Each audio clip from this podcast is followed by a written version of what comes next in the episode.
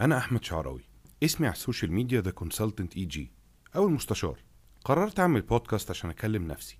في وسط أفكاري دي ممكن حد يسمع حاجة تجيب له فكرة حلوة أو يقدر يستفيد بيها بشكل ما في شغله أو في حياته عموما. أكون معاكم مرة في الأسبوع بموضوع ليه علاقة بال business وهتكلم من وجهة نظر عادة بتكون محايدة. بحكم شغلي في الأبحاث اتعلمت ما أكونش رأي شخصي أو أبقى شايف الحاجة من وجهة نظر واحدة بس. هتكلم في مواضيع ليها علاقة بالتسويق والمبيعات ليها علاقة بتكوين فريق قيادة شركة استراتيجيات وحاجات تانية أنا ممكن أكون معرفش عنها حاجة بس هروح أذاكرها وأرجع أتكلم معاكم فيها. أنا أحمد شعراوي المستشار وده بودكاست Random Thoughts